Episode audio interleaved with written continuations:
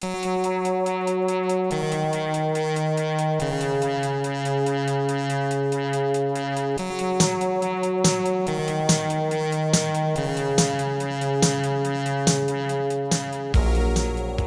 to First Draft with me, Sarah Enni. Today I'm talking to Veronica Roth again. Veronica has a new book coming out, a young adult sci fi called Carve the Mark, and she agreed to catch up with me on what she's been up to since we did our last podcast together about two years ago. If you want to listen to that previous podcast, check the show notes for this episode. In some ways, for Veronica, things couldn't be more different. The Divergent series came to a close after four books and several novellas, not to mention the movies, and Carve the Mark is a new series in a brand new genre. But in other ways, things are just the same. She's still traveling a ton and writing constantly. And she's still one of the most thoughtful people I've had the pleasure of interviewing, which is good news since I'll be tagging along with Veronica on her tour to support Carve the Mark starting next week. Stay tuned to the credits of this episode for more information. So while Veronica was on one of her many jaunts to Los Angeles, she kindly agreed to come sit on my couch and bring me up to speed with what's old, new, borrowed, and blue. So cozy up with some coffee and a cat and enjoy the conversation.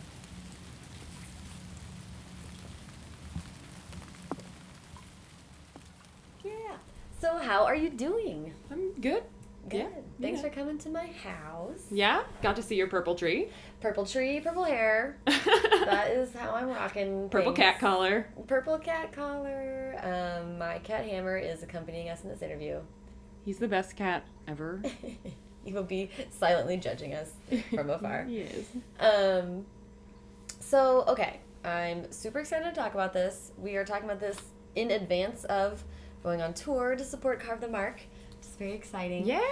Um, Thanks for joining me in Ah, advance. it's gonna be great, and people are gonna be hearing from us a lot. Yay! So- Better get used to it, guys. so this is our first kind of a like a kickoff interview, and then we'll talk all about the tour when we're on it. Um, but we wanted to get to a lot about Carve the Mark and, and hear more about it, and then um, uh, go from there. So, but but before we get to all the Carve the Mark stuff, I would like to catch up with you. This is the first um, repeat interview I've done. So. Yay. Yeah, so Veronica has been on the podcast before. Um, I will put a link up to the previous interview, and that's where we, you can hear her talk about where she grew up and how she started writing. Um, in this one, we're going to talk about kind of moving forward and new career path things. So I'd like to start with just hearing about what you have been up to since you finished writing Allegiant. What what's been uh, on the course since then? Well, I think uh, the, probably the first significant work thing was that was it after writing Allegiant that the first Divergent movie came out. Well, I know I was writing Allegiant on the set, so it wasn't out. But like, I think the interview was out Oh, by the yes. time. Yeah. Yes. So um, then there were two more movies, obviously. So those those things happened, um, and that was a huge part of my work life for a while. I also wrote for the collection of divergent stories from Tobias's perspective, and that came out, and I went on tour to support that. Um, and I was also working on Carve the Mark. So Yeah. it's been kind of a wow. It's been a There was a pretty packed these There last couple of years. I think I would love to hear just because this is there's like not a lot of other examples or and also not a lot of transparency about this, but but given the fact that for the movies you weren't you weren't writing a screenplay, you're not like responsible for what's in the No, movie. no. But but it did involve a lot of work for you. So like what kind of things were you doing around the movies? Well, when they were shooting, um, I gave a lot of feedback about the Insurgent screenplay. Um, that doesn't mean that they took my feedback because they're under really no obligation to do that. But it meant that I spent a lot of time with it. Like, I still have my marked up copy of it. It has little flags everywhere. I was really concerned about the relationship between Tris and Four and the emotions there. And I think that now, looking at the final product of Insurgent, is just like the big problem with it is it doesn't have the same heart as the first one. So all this sci-fi stuff, like it was cool looking, it was beautiful. I love Shailene's hair like that. I don't care what anyone says. Um, and there was a lot of good in it, but I think uh, that kind of like emotional core was not as much there. Yeah, yeah. Yeah, so you know, Which would you say that was something that you also struggled with in Insurgent yourself? Yeah, I think it's uh, difficult to figure out where everyone's emotions should be when the whole world is coming apart. Yeah. So for me, that was like the big revision challenge was trying to find a way to keep Tris like her emotions honest without weighing down the entire book because it's hard to write about a character who's grieving or depressed or having like she had PTSD you know she couldn't touch weapons Right. like so I had to come up with things like that like mm-hmm. really specific touchstones like she had nightmares and she had like this PTSD reaction to mm-hmm. weapons so those two things were my way of expressing her emotional state. Yeah. And I'm sure in movies like it's just like juggling a thousand balls at the same time. Like you you fixate on one thing or another and you can really only do a few things well in movies like this where it's like a huge cast and action and like crazy visuals and CGI and it's just like man, so it's all about priorities, I think. And for me, like the emotional life of the characters is the priority. So like you'll notice I have plot holes, you know, like it happens. Right, right. Um, and that's probably because like when you're juggling a thousand balls at once, like sometimes you drop one. Yeah. So I I feel like they dropped that one a little bit, but because it wasn't their priority. Right. Different demands on that. yeah, type of- exactly. They yeah. had to make this big action pick, basically. Like that was, you know, that was like what was required of them at the time, and I think they did that successfully. It is fun to watch. It like, is fun. It looks fun. You're like, wow. All the shattering glass. Oh, the part where Forrest's skin basically like melts apart. Ah! Ah, oh yeah, it's really hard to Ah, watch. I had forgotten that part. Holy shit. Oh man, but God, I love Shailene in that movie though. She's so tough and such a badass. I She know. is a badass. She really is. She's very compelling to watch. You're like, wow. Yeah. Um, and I think what's interesting to, in what you're saying about the characters emotional is I think if you're writing for people who are going to act out, it's like when you wrote Tris in your book, everything that Tris did depended on you. And it's like, I can imagine being a screenwriter and being like, well, I, hope Shailene can get this across Yeah. with my few words and she needs to like emote. And boy, she did. Like she did like every opportunity that she had to communicate Tris's emotional state, I think she did. She and I see Tris in a d- different way, which Oh, I think is really interesting and that became clear kind of when watching Insurgent and watching her act in it. So, she talked to me about it a little bit. I mean, I think for her like um in this original script, which is not the one that they shot with, but she looks in the mirror and it says something about like how she's filled with self-loathing because she looks like her mother and it's like guilt and all this stuff. Mm-hmm. And she she didn't like that at all. And i was kind of like well but that's how like she's a teenager first of all. There's a lot of like you're really hard on yourself when you're a teenager. And she has been through a trauma. Like i don't know. I kind of feel like my Tris, at least, is like this kind of darker figure. Mm-hmm. And I don't think her Tris was the same dark figure. And I think that's because of our worldviews. Like, Shailene has a fundamentally, like, more positive worldview than I do.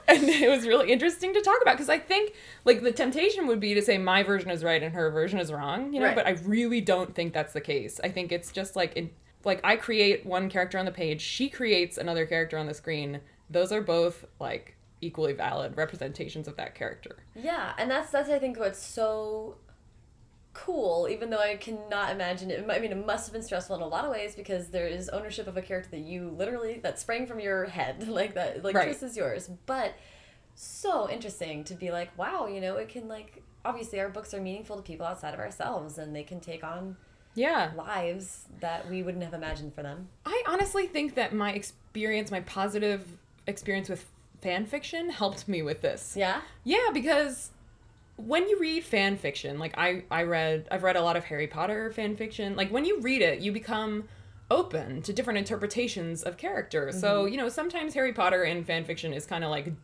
dumb but lucky, and sometimes Oh. he's like smart and a little more of a like depressed or dark figure. Mm-hmm. And all those things feel like they could be Harry, you know, but it just depends on how well they're executed. And so I think like that gives me that kind of mindset toward my own work, which is like you really Yeah. you really can like interpret it in different ways and that's all right. Like it doesn't hurt me to Yeah. have people think of the characters in different like I don't need to be the dictator of that little world, I guess. Right. Yeah. I really don't feel that way. You would be a benevolent dictator. I would wish only good for my people, Um, but not freedom. oh my god, that's so great. Um, so so you you and and the other part of it that that struck me was that you at this point you're done writing Allegiant and and and even done writing the four stories, supporting the four stories, but at this point you're like moving on to the next phase, but movies and stuff like that just keep it around yeah. in a way that I can imagine would might have been a little bit like it's kind of hard, like your whiplash from new to new to old. Yes, it was really hard to talk to try to summarize Insurgent when I was done writing four. I was like, wait, what happens in that book? Like, of course I know, but I had to re-access these explanations that I hadn't given in years. Mm-hmm. and there is a sense of fatigue. Like, I never want to communicate like that I dislike any of the books because I really don't. But after a while, when you've been talking about the same thing for a long time, like you get tired of talking about it, you know, and you just want to be like, I'm a person, I have a life outside of Right. this. Um, and so I think it was important to just take a break after that, which is kind of what I did. I didn't write for a while. I I did what I had to do for the um the four book and for movie stuff, and then I kind of just like had had some rest, Yeah, and it was very good. and it was good. Yes. What uh, what did you do during the restful time? Well, you'd think I stopped writing, but well, I guess I just said I did. I did for maybe like a couple weeks, and then I was just writing other things. Like I tried out um, like a couple stories that were kind of buzzing around in my mind to see how they felt, and I played around, and you know I watched a lot of TV and read some books, and just tried to like refuel kind Yeah. of, and to think about what I wanted from my career and um, and how I wanted to continue and how I was going to improve and all of those things. I want to talk about all those things. Yeah. So, because I'm, I'm curious when you're just talking about going to read new books and watch TV, when you are then looking to sort of fill up your well with new stuff, Mm-hmm. you're like a different person than the person who in college was watching all this TV. And like, you know, the, Yeah, the- yeah. You've spent four years in really deeply involved in this one um, huge part of your life. And then you're thinking about where to go from there. Were you watching movies that you didn't expect? Were you interested in different things that you hadn't been before? Were you like actively going in an opposite direction or No, I think I I didn't feel a need to do something completely different, which I, I think people who write a series that becomes sort of a bigger thing or they make movies of it, like they feel compelled to like reverse and just you know, like J.K. Rowling wrote um, adult it was like cozy fiction? Yeah, like- small town politic. Exactly. And that's like that there are elements where you're like, oh, that's there are some things that are Harry Potter esque, but like no. Like it was a totally different kind of book. I did not feel that need. Like I I think the Divergent books made me realize that I wanted to lean into the things that I liked. Mm-hmm. And because I when I wrote them initially, it was I had to really work to not feel embarrassed because I was writing young adult genre fiction, both of which are kind of disparaged by the adult literary community that I came from in college. Right. So they're, you know, like the people I went to college with are perfectly kind, um, but they have like particular views, you know, about this kind of writing not being as serious. And I had to fight against my own like weird inner feeling that like what I was doing was like not okay or like not not what serious writers do, you know? And then by the end of the series, I was like, no, screw that. Like I just realized like this is a job I love and that brings fulfillment to me and to other people and I just like had let go finally of like any last vestiges of like embarrassment about the genre. That's awesome. Yeah, and so I was like, it's time. It's time for like the YA sci-fi renaissance inside Veronica. You know, so I was like digging into sci-fi and YA and all the things that Yeah. I already knew that I liked. It was like I was finally letting myself be the kind of like writer that I wanted to be. Yeah. That's awesome. Yeah. Uh, so those couple of stories you're talking about, like playing around with some ideas, Mm-hmm. were those also sci-fi? Was it like Yeah, I mean, pretty much exclusively. Yeah. Um, I sent one to my agent because I had like 50 pages and I wanted to know what she thought, and I sent her the synopsis too, and she was like, "This is good, but I think you should keep looking." interesting? Yeah. Ah, that's very diplomatic. Yeah, she was just like, I think this, you need to chew on it for longer. Because we talked about it for a long time after she read the sample. And she was like, Well, what's the answer to this world building question? And what about this part of the story? And where's this going to go? And it was like, Hmm, I don't know these things yet. And they're not just going to like appear out of nowhere. Right. So she's like, You can work on this. Like, you could take as long as a break as you want. Is this the thing? Mm-hmm. And I was like, Well, maybe not. Yeah. The little stories you were talking about were the were either of those the short stories? Because you published a couple of short stories as well. They were not, because I did not write Inertia, which is the short story that um, Fox 2000 just picked up. Mm-hmm. Um, I didn't write that until later. Okay. Yeah.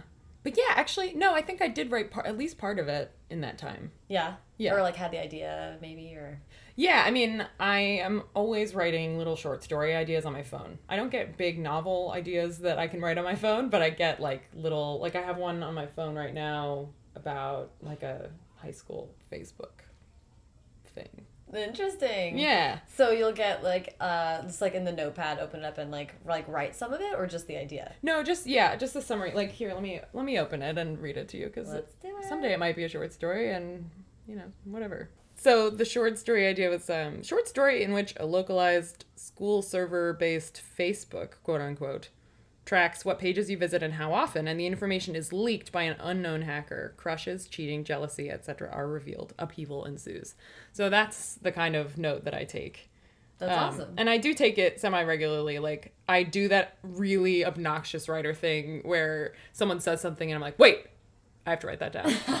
Because it just, you know, you don't want to forget this Yeah. stuff. And usually the ideas that I get for short stories have are about some kind of future technology, like that's too small to base a whole sto- like a big book around Right. but is like interesting as a conceit in a short story Yeah. so you know like what if we could learn things through literal osmosis like how would that change this or that like that kind of Mm-hmm. like what if there's a technology that allows us to enter a common consciousness before someone dies that's what inertia's like about. yeah so most of my short stories are like technology based weird It's funny. yeah Do your big book ideas come with similar like questions? Like what if this happened? Or what about a world where this is true? No, they never do. They only come from like character character traits or journeys or particular like just story kind of beginnings. Yeah. Yeah, I don't know. That's well, it's funny to me because that makes sense. Then when you get an idea that's f- almost framed in a certain way, you're like, oh, this is built for a small story, and it's answering kind of a what if question. And then like a big story is like, I want to go on this journey with this kind of character. Like, Yeah, it's always like a little more character based. The short stories they require you to very quickly establish character, mm-hmm. but they don't delve as deep into character obviously because there's just not as much space. they just can't. So where did the idea to move forward with Carve the Mark come from? So Or where did it come from, and then how to move forward? Yeah, so Carve the Mark is the basic story idea came to me when I was very young, like 11 or 12. Really? It was, yeah, it was just like young man is taken from his family and finds a weird affinity with his enemies and then has to come back after his trauma and try to reintegrate. Hmm. So, I don't know what 12 year old Veronica was doing to have that kind of idea. Like, that's really weird. I feel like it must have been based on something I watched or something I read. Like, I don't. I don't know, but I kept trying to write this story over and over and over again just for fun. Like I didn't really feel the need to finish it. So the longest version I had uh, before Carve the Mark was like 300 pages, but it wasn't even 50% done. Oh my because God. I really like had no sense of urgency. Even definitely, yeah, it was totally bloated and it was like too, way too long. But um, I mean, I think that's hilarious. and the code name, because I all my story ideas like start off with letters in my folders.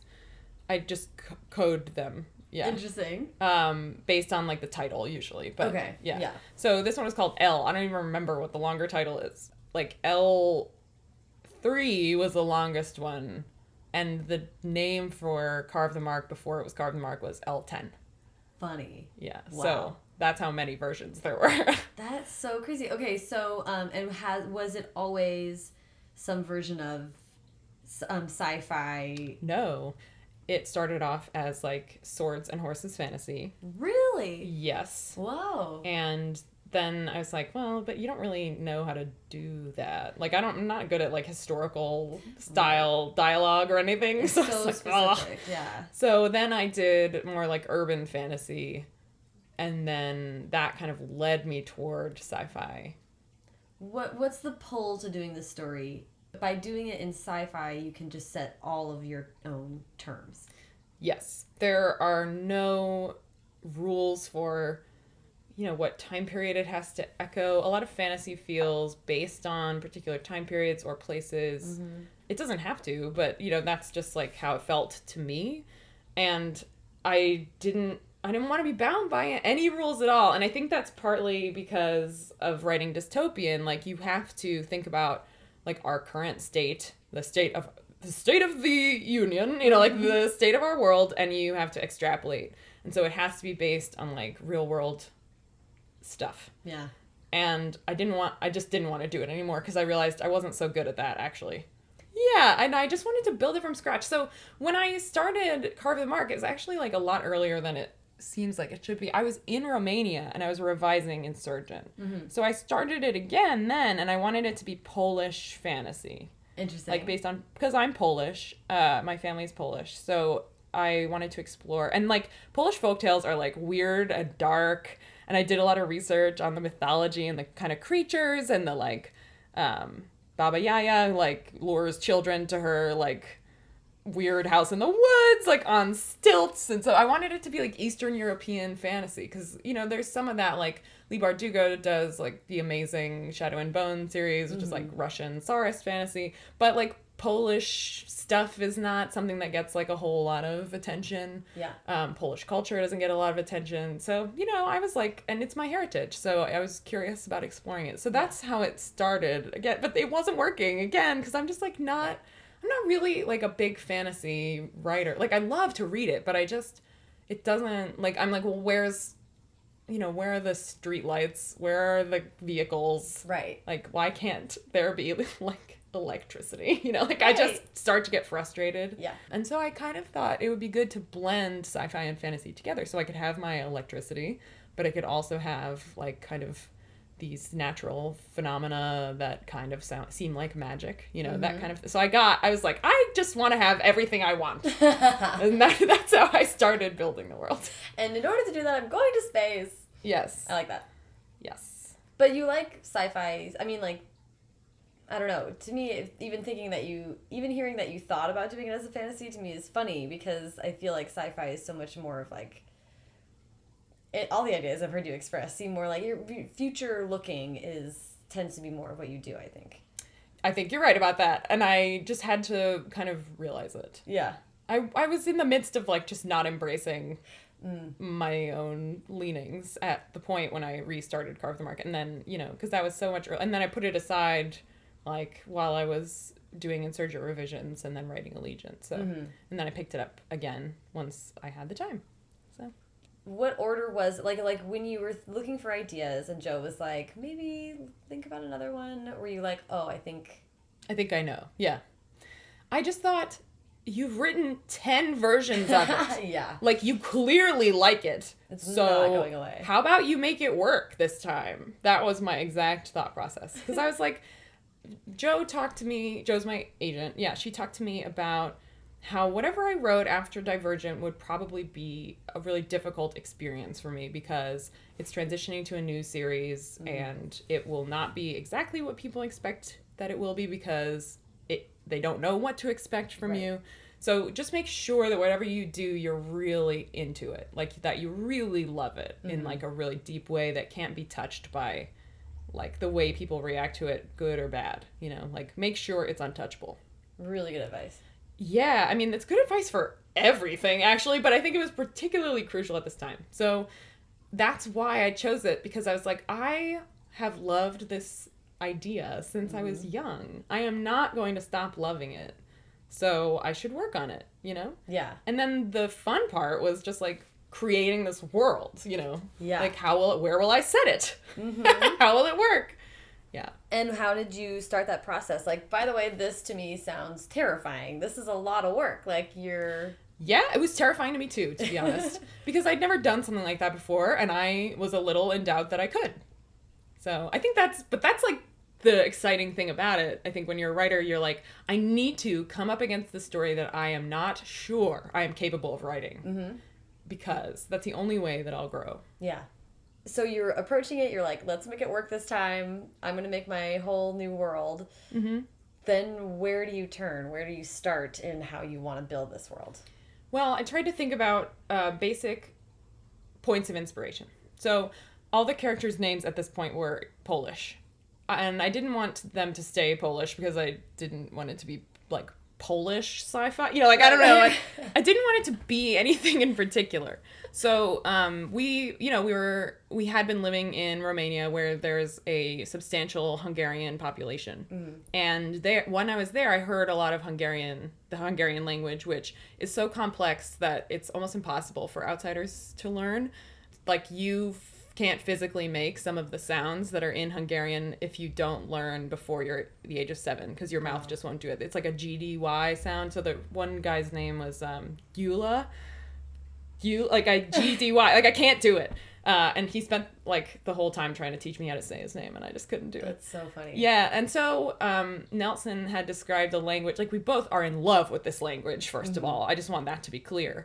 But it is weird sounding to our ears because it's like nothing you've ever heard before. It's not a Romance language. It's not Germanic. Like it's completely separate Yeah. from every like language group around it. So it sounded alien to us. And when you're thinking about sci-fi, like that's perfect. Mm-hmm. So I changed it all to Hungarian. That's where I started Okay. later I thought about how dearly the Hungarians love their language and I didn't want to appropriate it. So Right. I took some of the sounds I liked from Hungarian and wrote like little syllables of words that were comprised of those sounds and then I started to put them together to make names. So that is how the language of Carve the Mark was built. It's just these sounds that were not common in English that they're like uh, they they use a lot of K sounds, a lot of long O sounds, um, a lot of like ah, like a big vowel kind of. It it was so much fun to create the language. I was like a kid, like playing The Sims. That, yes, Yeah. oh my god. By the way, we talked about The Sims in our last interview too. Of course, we play, we talked about The Sims. They're a huge part of my life. Amazing. I don't still play The Sims. That is how J.R.R. Tolkien started all of his.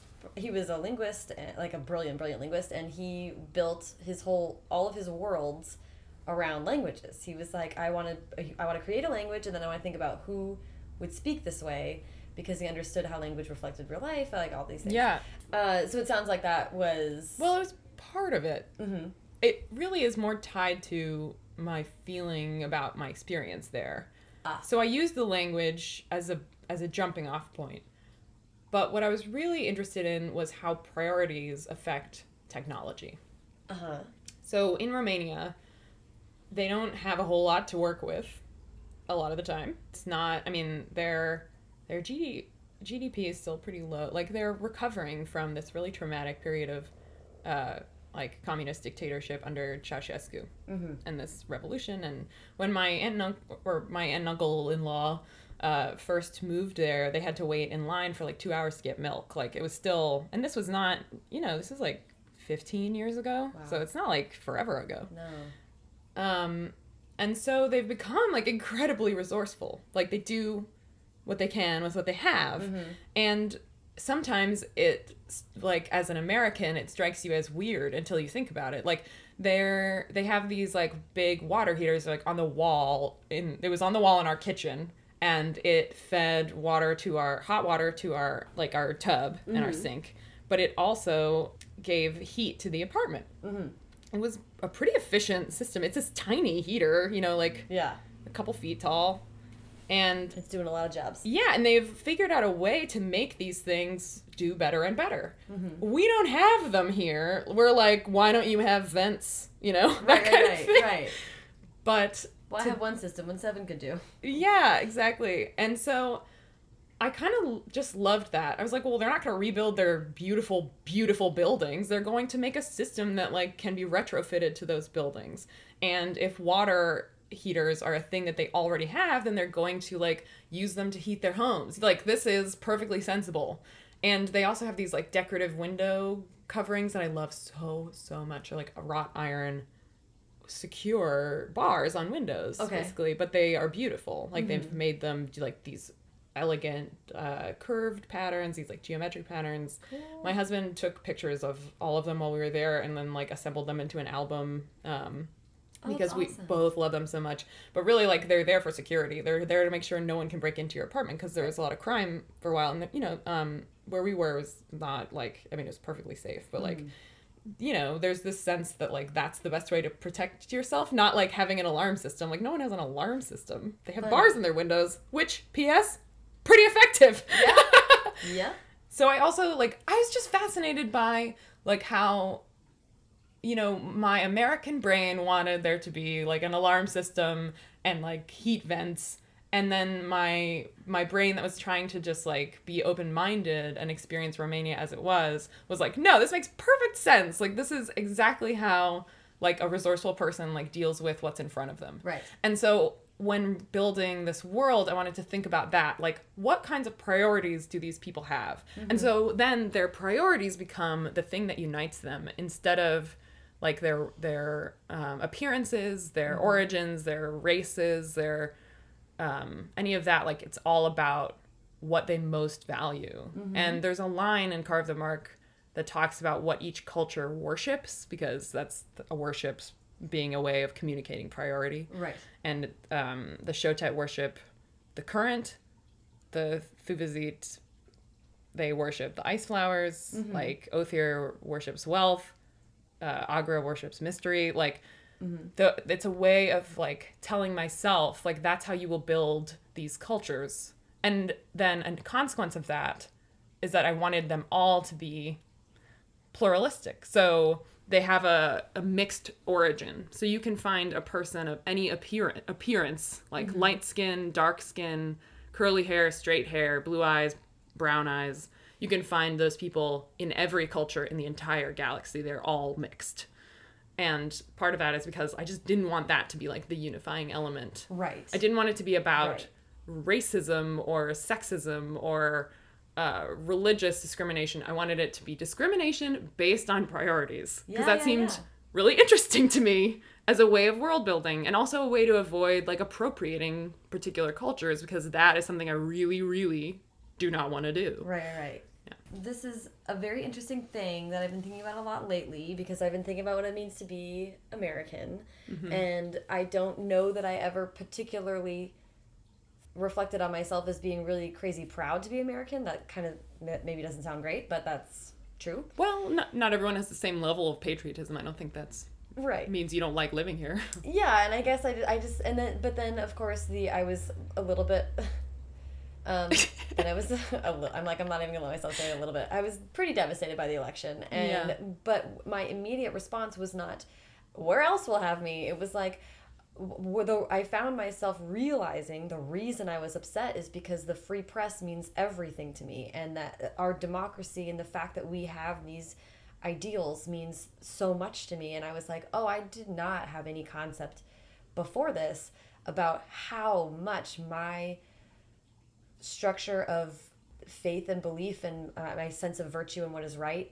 aligns with America. Like Yeah. wh- whether it's chicken or the egg, it doesn't really matter. Like it, this is where I want to be because I believe these things, and that was it was like a pretty great thing to come out of this awful experience. Yeah, And good that's- realization to have. If- I'm with you. Freedom of the press is one of like the most important things that we have here, Mm-hmm. and for that to be threatened in any way makes me terrified. So scary. Yeah, because it's a check against the government. Like we in America are allowed to be suspicious of government. That is one of the most amazing things about living here. Yes. Is that I am like super cynical and like I can go on the internet and say like screw the government like where are my taxes going ah, shake my fist at the sky and like that is part of being an american Yes. and I love that. Like that's that's freaking crazy, especially because when you spend time in a former communist country, they do not experience that.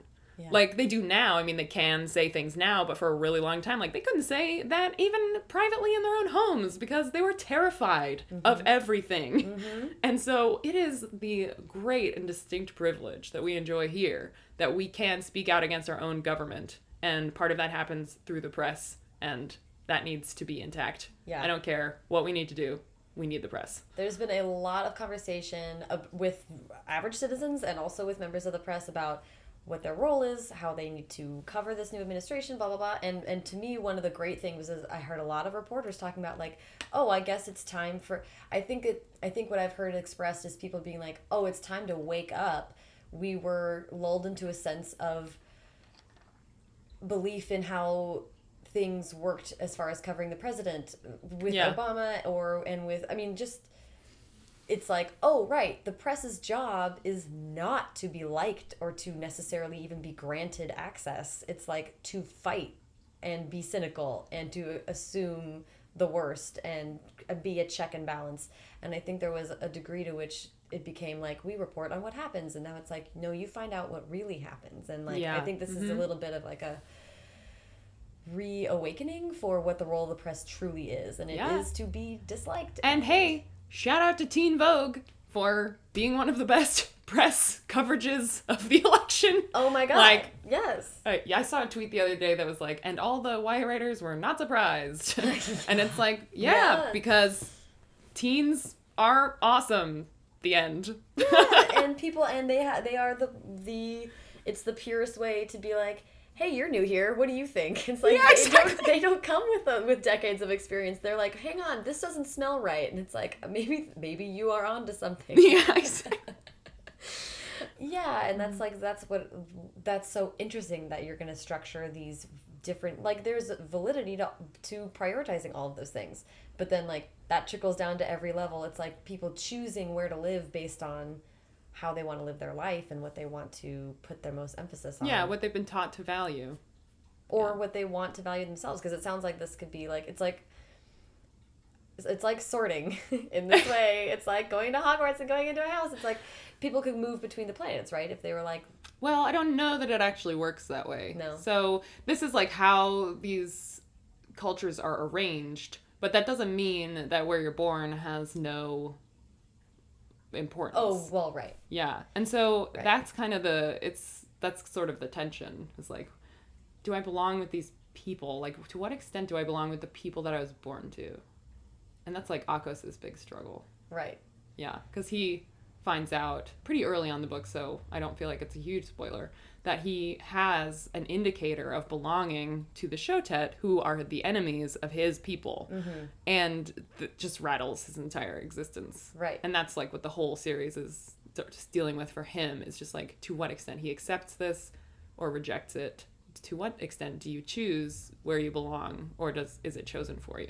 The other thing that that really strikes me of what you're saying is how and I and I really really don't want you to think this is like this is in no way a dig, but it's like that's Akos' struggle sounds familiar to me. this is these are really similar themes to what you were dealing with in Divergent. Like these oh are yeah no that's not a dig i mean i'm obsessed with the same problems over and over again because it's all about like how do i fit in with my family once i have realized these things about myself that set me apart from them right that are pretty fundamentally different. yeah i think i'll probably write about that for the rest of my life if i had to guess I had a conversation with another writer recently that I found really illuminating because she said that she writes about finds herself writing about the same things over and over, but that kind of upsets her. She was like hopeful that in the future in her career she could talk more universally, I think. I think she she was just at tension with that thought. And that was the first time I'd ever heard. That's that. the opposite of how I feel about it. It's also the opposite of how I feel about it. It's a completely great way to feel, and she wants to no, that's legit. Yeah. have a more universal humanistic worldview of her, of her writing, but I was like, oh no, I want to dig into the nooks and crannies of my brain forever. I feel like universality comes from specificity. No, Yeah. that sounds so like up my own ass. Um, no, no, but what I mean, that's like an ad, like an adage that's out there. Like, yeah, like you you tell the specific story because you as a human being are inherently relatable. Like people can relate to you and to the things you feel. Like that doesn't mean that they understand you or the things you feel or that they can own those things themselves, but what it does mean is that I don't I feel like we should all be able to empathize with each other, I guess. Yeah. Yeah. I had an interesting experience with that with with the podcast and what I talk about on the podcast as far as my personal life. I had a couple people be like uh, kind of just question whether I should talk about that. I was like, "W- I don't feel like there's any reason to be ashamed of things that I've gone through or like pain that I carry with me. I think that's why people will respond to it in any real way. Yeah. You don't have to have gone through my experiences, but I'm telling you like, hey, I'm a person and these are like the dings. I feel like in general, as human beings, we are more compelled to relate to and listen to and engage with people who are honest about like what's not great about themselves. Yeah. I mean, experience. we're dented. Full of dents. I'm We're keyed. like- my Prius. I'm keyed. I have a flat tire. um, uh, I, I agree. I think that um, the I'm not upset about finding different ways to tell the same story. And it's like just because it seems exactly the same to you, it's like that doesn't mean there's not a lot of other things going on. You know, Right. it's just like a core thing that's similar. You know, Yeah. it's not like you're repeating the same book literally. Yeah. Carve the Mark could not be more different from Divergent. It is its own book. there is an extended training montage, sort of, which is apparently a thing I do, but Well, listen. that's okay. That's pretty great. Um, so what else about the Carve the Mark? The fact that it's this whole new world, I do kind of want to get to have you be able to talk a little bit more about that. I mean, like you got to put spaceships and stuff in this one. Yes. How was that? it was fine. I did I didn't research how spaceships actually work because I was like, I'm in a different galaxy. It doesn't run on the same energy that Right. ours does. Like it's not similar in ways that I felt like were really important to like have accurate spaceships. Right. It's not like um in Illuminae by mm-hmm. Jay Kristoff and Amie Kaufman, which is like an amazing book that everyone should read. Like they did a lot of research with like the Jet Propulsion Laboratories and whatever to like, figure out what was possible in space. And you can tell when you read it, it's just like it's such like great sci-fi in that way. Mm-hmm. Um, I would say mine is like more fantasy than that. Yeah, like And- softer sci-fi. Yeah, like in between somewhere. I'm kind of like I'm pretty comfortable with that. Like I mm-hmm. don't I don't mind it. The spaceships were like this great adventure kind Yeah. of vehicle for me. Mm-hmm. Um and a way to explore like even some of the more fantasy aspects of the of the universe because of the current stuff. Yeah, and I, I would actually super love to hear you talk about the current, like where the idea for that came from, and to you, how does it function in their world? I mean, it's it's super interesting to me. So the current in Carve the Mark is an actual factual force, sort of, that runs through all living things and gives them special abilities that are kind of like the metaphor used is like as like liquid metal flows through a mold and takes different shapes depending on the mold like people are the mold the current is the liquid metal like it takes a different shape in each person Mm-hmm. that's the concept. And what I wanted was for this to be a like a thing that exists that could be entirely secular, like scientifically studied. Like you can be an atheist and acknowledge the current Yeah. because it's real. It's mm-hmm. there. But you can also be you can base an entire religion around it. Mm-hmm. So I just really liked that it created possibility for like different interpretations. Mm-hmm. And also I love people with powers. It's one of my favorite tropes that exists. I especially love when those powers like in X-Men like communicate something about the person because it like helps you with character building and it feels like really relevant. And then it's like can these things change over time? As the person the person changes do people change that much? Like all those questions they really fascinate me. And then the other thing was what i really wanted to do was to uh, make things more difficult uh, which is uh, to make sure that every gift had a corresponding curse. Oh yeah, yeah, yeah. yeah. So your current gift it's people are like what what would be your current gift? And i'm like i don't want to think about it because it's both good and bad. Right, right, right. yeah Um, I liked how it how um, in the book there is also a play with the current and then the um, uh, prophecies. yes In my mind, those interrelate a lot. I feel like I want to make sure that that's like yes, I'm reading no, it right. because the uh, the whole like seeing the future thing is a current gift Right. that three people per planet like have at any given time. And the prophecies, like, of course, come with like it's like you know what's going to happen, and then also you know what's going to happen. Yeah. it's like Or you don't know, like you think you know, but you don't. right. Yeah, which I, I feel like that is one way in which the book really is different from it's a there's a lot of i mean obviously there's a lot about that's different from divergent but that this to me was a really interesting thing for you to talk about like fate and faith and how like what you what you believe in in a n- more than what you can feel and touch kind of way really is playing with these characters decisions i don't know is this making sense Yes, yeah. I mean, the fates. I wanted to experiment with dread. That Mhm. was something that was really because people think of like the only tension coming from like a twist or some kind of surprise, like an ending feeling surprising. And I was like, what if it wasn't? Like, what if you just spent the whole time dreading this thing? But the the fates are written in a language which there are like countless different languages in this galaxy. mm-hmm. And so, which language is it written in? And are there translation errors? Right. that is something that I find really fascinating. oh my gosh yes So we'll. Um, I can't really talk about that. Okay. Yeah. like, okay. I don't like, want to. Carve the Mark Two. um, that is that's something that like I could talk about and read about forever. So I'm really excited that you are diving into that. Mm-hmm. Um, the other thing about Carve the Mark is that it is two points of view, um, both in first person. Yes. No, one is first person and one is third person. Okay. Yes, that is what I was checking earlier. Um, Mm-hmm. um, just talk about that. You've done two points of view before, Yes. so then this is like what made you decide to go about it this way. Ugh, I really didn't want to um, because I did it before with limited success. so, uh, to me, Allegiant has two very distinct voices. Uh, to most other people, it does not. It has this one voice.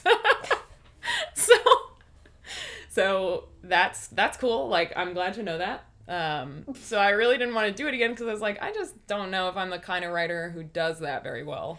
Well, it's it's It's insanely difficult. Yeah, that's that's Whoa.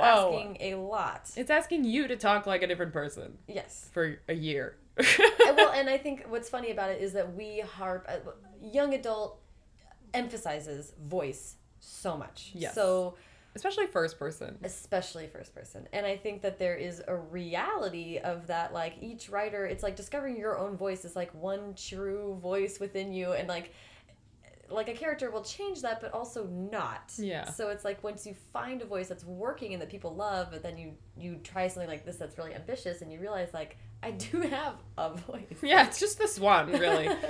yeah, so Cyra's voice is easy. I mean, she's kind of um she's formally educated, she is wealthy, she, she yeah, she's smart, she's curious, she's all these things. So her voice is like similar to to mine. Like we have a similar education level and background. Like I I grew up like privileged and so did she in certain ways. Um, she also grew up with a lot of other crap happening, but you know, we can get into that some other time yeah for her and for me, like we have similar voices, I guess. For Akos, like he grows up in the um he's like the richest kid in the crappiest town in Thuvhe. Like it's uh, like a farmer community. It's considered low class by the other people in his country, and so I tried to make his diction more casual and like his he has a kind of like poetic rhythm to the way he talks and thinks sometimes. At least i attempted it. I have no idea if it worked. Honestly i can't like i i to me they sound completely different. But of course like i'm not the like final word on how things turn out Yeah, so also, I mean, I also think it's it's uh, it's funny to talk about it this way because there's it's not like you are submitting this for a test. Like like Yeah. the fact that the fact that Allegiant didn't Allegiant didn't succeed in that, I don't think is a conclusion we can draw. Like it's about who read it. well yeah i know but yeah you're right you're right i'm very hard on my own work it's fine yeah, that's okay. And actually, I, that's gonna tie into our questions later as well. Yeah. But um, but uh, so first person and third, that was an attempt to just make sure that it was Well, it helped. I think making his voice in third helped, but it wasn't actually the motivation. I wrote it in first. Akos' first person, and mm. my editor was like, "This isn't working," and I don't understand why. Think about that. so, it, and it wasn't. She's right. There was some weird disconnect between me and Akos. Like anyone who read it in Akos, he was so hard. I have no idea like what that problem was, except that it's weird. His current gift is that he repels all other current gifts. Like Right. nothing works on him unless you like weaken him to the point where like his current gift starts to falter, which is a thing that happens in the world. Mm-hmm. Um anyway, so he he's basically like it comes from his wariness. Like he's constantly described as a guarded and wary person mm-hmm. by Cyra. Mm-hmm. And so I think of it as like a physical manifestation of his wariness. Like he protects himself with this armor. You know he keeps everything out the third person voice does that too. So it kind of pushes you out of his head just a little bit like you can't get inside because he doesn't want you to. Yeah. and so once I did third person, suddenly that part of his character became a lot clearer to me and to my editor, and I think to the people who have read it around me. That it's like you don't get to access parts of Akos because he won't let you. That is so. I really like that. Yeah, I kinda loved it. Cool, and it's also making me remember what you said just a bit ago about um, about Tris and about about the difficulty of writing a first person from someone who is sort of consumed with anxious thoughts or um, like when you talked earlier, I was thinking about writing a character that has PTSD or that has um, depression. It's like writing a depressed character very true to a depressed frame of mind would be difficult to read. Yes, As in, like, yeah. doesn't have a lot of plot, has repetitive thinking, like all these things. So it's like, You know what? It's difficult to experience, so it makes sense that it would be difficult to read, especially if it was done really well. You'd be like, "Oh my god, I feel like I'm in a depressed brain. yes. This is terrible." Man, someone should really do that. Oh wait, they do. yeah. we have friends who do that. we have friends who write wonder- wonderful books about depression, but like when that isn't, uh, it's like you don't want that to be a hindrance of talking about. I don't know. You know what I mean? Like Yeah. to me, it's interesting to think about is Akos is like his if his mental state isn't the best for the narrative of what you're going like his arc. Like Yeah. seeing his arc is more important than I don't know. Um, but anyway, that's interesting to me. Also, Cyra feels so present. She really is like an immediate character. Well, I didn't think that she would work, so I didn't put her in the rough draft. Um, her, her voice, yeah, because she's in constant pain. Oh yeah. So I was just like, how can I write constant pain? Like, you know, when you're in pain, it takes over everything that you think. Yeah. And so with her, I mean, she doesn't con- she does constantly think about it, but I tried to keep it balanced. And one of her character's strengths is that she's able to ignore it because she's gotten used to it over time. So I I think that's like a part of her that I admire about her actually. It's her ability to think in the midst of pain. But um to me, I don't know, it's important to include her. I don't know. She made the book work. Yeah. Yeah. Well, yeah. I mean, I love her, so I'm happy she's there. Um, um, it's super great to be able to talk to you again because we can also catch up on kind of some things that we talked about last time. Yep. Um, you gave some awesome writing advice, and you had a few little like things that I thought were interesting in our last interview. So I wanted to follow up and see if the intervening two years have um, made you feel differently about any of this stuff. All right, let's do it. Um, so last time we, oh yeah, this is a good one. Last time we spoke, you said if you ever wrote another series, you would outline it. You would Yes, I did that. I did that this time. How did that go? Uh, it was hard. Yeah. Carve the Mark Two has a 25 page outline. So just saying. Oh my god. Um, no, I did a lot more world building thinking, a lot more of that. I mean, and really, like, I have to give huge credit to my agent because when I was writing, she was helping me to think about what kinds of things I need to consider. Like, she sent me links to blog posts of, like, uh, I think Kristin Cashore, Oh. who did Graceling. Yeah, she's got a great blog post about the kinds of world building questions you really need to answer if you're going to create an entirely new world, like uh, units of measurement, you know, stuff like that. Yeah, oh my gosh. Um, and so I definitely looked at a bunch of those. I wrote a lot of stuff down. None of it is organized. It's all crazy, but I, I did. I outlined it. Yeah. Mhm. Good job, Pass Veronica. Yay! Yay! it was funny to hear you say that because I was like, I'm pretty sure that one holds up. yep.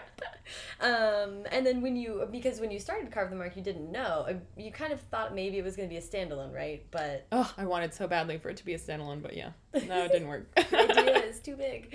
The half of that one draft was 300 pages. Well, I feel like there was a way that it could have just like Cyra and Akos's like immediate struggle could have been resolved in the book if I had ended it slightly differently. Mm-hmm. But then there was like what happened was I reached the end and I was like, oh man, the galaxy struggle is like not over. Not so you can't you can't just back out of this story right now. Like you need at least another one. So- Right. But you did get it down to two books, so Yeah.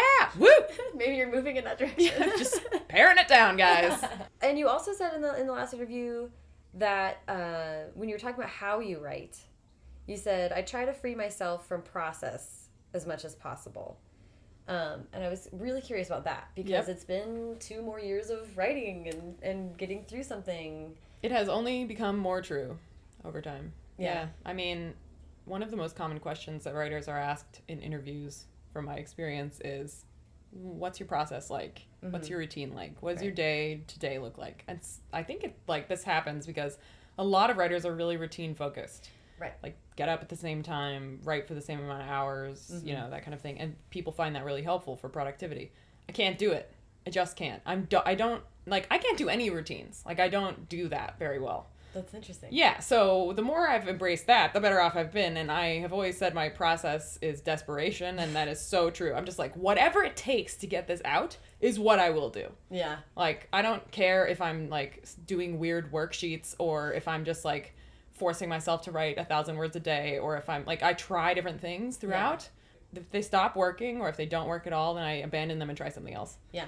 Yeah, because I'm just desperate to get done. Yeah. So what did writing Carve the Mark look like? man, writing Carve the Mark was just joy, really. Like I didn't it's different from any other book I've written in that I just like loved it the whole time. Like when I came up against problems, I was excited about them. I was like, "Oh, this is great. Okay, well, like I'll figure out a solution." Because usually the solutions that I was able to figure out like they made the story better, not just to solve the problem, like better in big other ways too. And so, you know, like uh like with the Hungarian language appropriation issue. Mm-hmm. Like I realized that I didn't want to do that and I was like, "Oh my god, I get to build a new language." And then in revisions, language became a huge part of the story. Like who speaks what language? Like Ryzek limits the speaking of other languages, which then like limits possibilities for his people, which sucks. Um, and so it became like this huge theme. And there's like a ro- kind of romantic moment where one character hears another character speak their their native language for the first time, and it's like really sweet. And I don't know, it created all this like all this beautiful stuff, and it's really just to like avoid being offensive, you know. Right. And I think that's awesome. yeah, that's the best possible outcome of it. Yeah. And it, it's also funny to me to think like, in a way, you wrote Carve the Mark wrong so many times. Oh, like, yeah. once Oh my you- God. Once you found it right, like it kind of like it sounds like it just kind of like flowed. Yeah, definitely. Yeah, Mhm. that's really neat. And the last time we talked, this is what what ties in a little bit. The um, last time we talked, we talked a lot last time about the importance of critique. Yep. And I'm curious about how you continue to move forward in like mostly we talk about how critique makes you better. Yes. And it's not always easy to be a professional writer and to continue to find avenues for that, especially when like you're in a position where you can't just like show your writing to just anybody. Um, so how do you feel like you are continuing to incorporate critique and work to get better? Well, I still think critique is hugely important.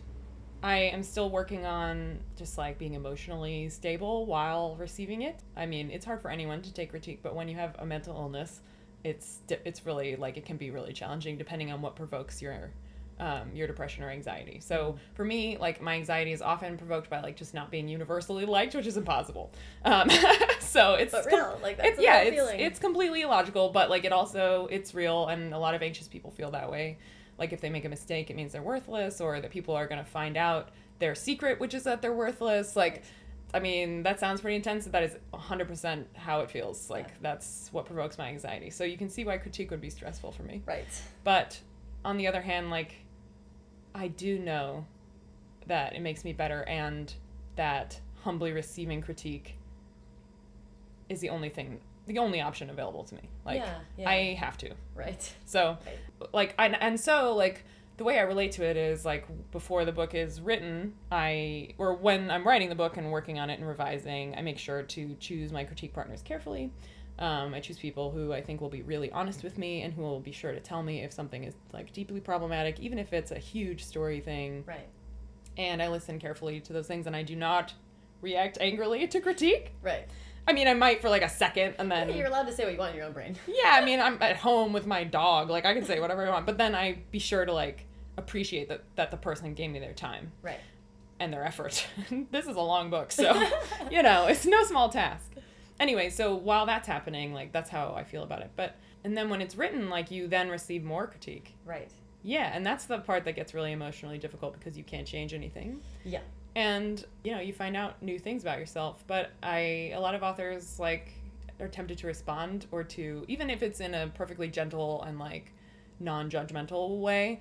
But I think it's more important to just sit back and listen. And sometimes that makes it seem like you're not paying attention. Right. And just saying like I'm listening is so like cheesy on the internet. Right. Right. but that's I feel like the second the author's voice gets mixed up in the conversation, like that conversation changes and not in a good way. yeah. So Um, and I have one last question, which is just whether or not um, we did advice last time and you had great advice, but I'm curious if there in the last two years, is there a, a, a new thing that you would say? Like, like, do you have any recent revelations about writing that you feel like you can share? About writing? I don't know. I mean, I'm, I'm pretty much like harping on the same stuff Right. with writing. what about Um, What about life? life? How should we live? life advice from Veronica. no, I, I just like, man, I believe so much more in kindness now than I used to. I'm not saying be nice. Like, I don't think people Right. should have to be nice. Like, you should be able to say the things that you feel in whatever tone you, you please. But just trying to be supportive of other people's work, I think that's become a huge part of my life that Yeah. feels important. I've also done a lot more school visits Oh, to yeah. like Title One schools, especially in the last couple years. So I think it's important for auth- like fellow authors do school visits. Yay. Make sure some of them are juvenile detention centers and Title One schools because those people do not get writers and they do not have good libraries and they need it just as much as kids Yeah. at other schools do. So do it, do it. Yay! if you can, some people can't. You know, because Well, yeah, cost prohibiting. With- but within reason and uh, and capabilities, but yeah, but um, yeah, reading and supporting other authors has become like a huge a big thing. And being kind is different from being nice. I think being Yeah. kind is also what I have learned to value almost to the exclusion of it. And it's like that's like the most important thing. I know, man. I just try and think about how, like, even the people who are like really angry at me on the internet, you know, which is a thing that happens. Um, like you really don't know what they're going through, Yeah. and you don't know what kind of sensitivities they have, and what kinds of things like provoke like strong emotional responses in them. And I have those things too, and they don't always make sense to people. And it's just like, man, like I try not to respond. Like I do have anger, and I think sometimes that anger is justified, but I also try to keep in mind that like everyone is like really just carrying around a pack of rocks, like, yeah. and I, like, man, I'm not here to put more rocks in people's packs. I, I, really, I like that. I Yeah. like that. Don't throw rocks. like if I can't take one away, I can at least just leave them with the same amount that they came in with. Yeah, I think that's extreme. That's like uh, great, a super super good advice. That just keeps being more and more true the more I think about it. Yeah. So. Don't add rocks to other people's Don't bags. add rocks. That's your goal for life. I love that. I love that. Well, dude, this was so great. Thank you for checking back in and letting us do a new, Yeah, thanks. interview. Thanks for talking to me again. And everyone can hear from us on the road when we start the tour in January. Yay!